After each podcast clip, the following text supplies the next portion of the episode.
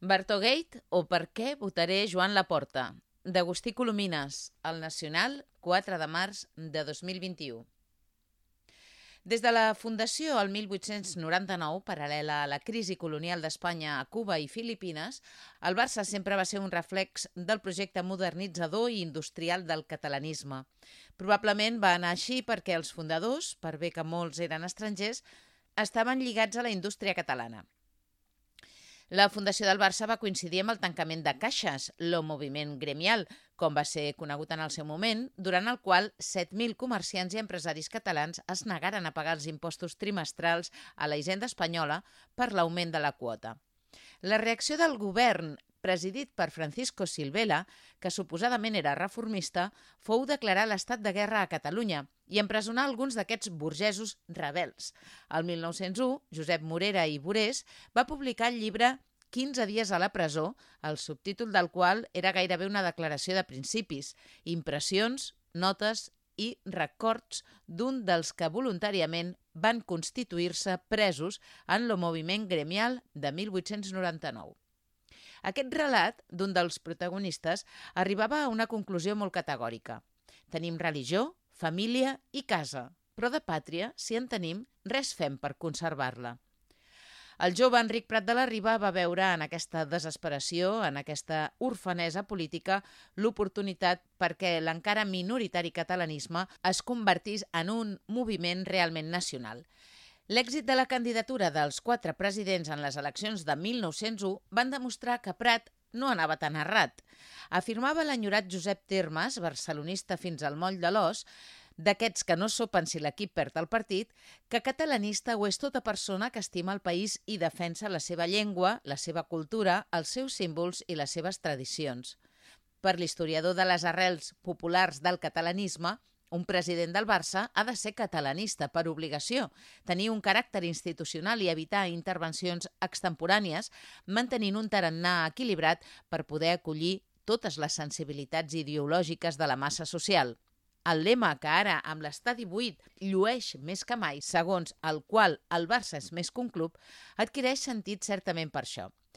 La història del Barça és molt llarga i ha viscut moments tan difícils com els actuals, que avui són especialment dramàtics des de tot punt de vista. Però des dels seus inicis, en el convuls fin de segle espanyol, va estar lligada als ideals de Catalunya. Quan el futbol s'estava transformant en un esport de masses, el Barça no tan sols es convertia en un club important, sinó que va ajudar a difondre els anels majoritaris de la població, més alineada amb els països industrialitzats i democràtics d'Europa que no pas l'espanyola. La politització del club no ha estat sempre explícita, encara que pocs clubs del món poden exhibir que un dels seus presidents fou afusellat pels feixistes o bé que el seu estadi va ser clausurat per motius polítics, com va ocórrer durant la dictadura de Primo de Rivera. Així doncs, entre els presidents i directius del Futbol Club Barcelona n'hi ha hagut amb un marcat sentit polític. Però entre els més recents, l'arribada a la presidència el 2003 de Joan Laporta va donar una embranzida sobiranista al Barça que no es veia des dels temps de la República. En una assemblea que va tenir lloc a Amposta l'11 d'octubre del 2009, Laporta va proclamar que el seu Barça era el més catalanista de la història, alhora que també era el més universal de la història. Va ser durament criticat per la seva arrogància, però la realitat és que el període de la presidència 2003-2010 coincideix amb un moment d'esplendor esportiva del club, cosa que em sembla innecessari demostrar, i de gran compromís polític i social. Pot ser que ningú no recordi que va ser sota el mandat de la Porta que el Barça va adquirir un compromís social inigualable, però va ser així. A més de lluir la samarreta amb el logotip de la UNICEF, el Futbol Club Barcelona també es va comprometre a donar a l'Organització de Nacions Unides dedicada a la salvaguarda de la infància un mínim de 1,5 milions d'euros anuals durant 5 anys amb la finalitat de donar suport als programes d'UNICEF. La donació del primer any va servir per donar suport a les accions a Swazilàndia destinades a prevenir la transmissió del VIH, jo mateix vaig ser testimoni, quan era director d'UNESCO-CAT, del compromís del Barça amb la UNESCO i els seus programes educatius a través de la Fundació. Vaig ser a París la tarda que Joan Laporta i Koichiro Matsuura, director general de la UNESCO, va signar un acord que l'entitat catalana va entendre que era un exemple per a altres entitats i una manera de dir al món que hem de solucionar els dèficits educatius dels nens. Així doncs, al cap de poc més d'un any d'haver signat l'acord amb UNICEF, el Barça va reincidir en el seu compromís social mentre s'afartava amb els títols esportius del primer equip. Vostès em diran que tot això ja és passat, que xalo amb els èxits d'antany de Joan Laporta, com insisteixen a remarcar alguns dels seus oponents. Però precisament la història, allò que la Porta va aportar al Barça durant els anys que visqueren màgicament, és el seu millor aval. La Porta ja va demostrar del que era capaç per tirar endavant el club sense trair els principis fundacionals del Barça.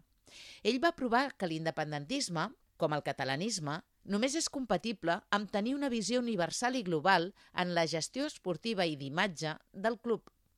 Josep Maria Bartomeu ha estat un dels pitjors presidents del Barça. Ha portat el club a una de les crisis institucionals i esportives més agudes des d'aquell 2003 que la porta també va haver de remuntar els desastres de Joan Gaspart, qui havia hagut de dimitir pel clam dels aficionats. El compromís, assegurava Abraham Lincoln, és el que aconsegueix transformar una promesa en realitat.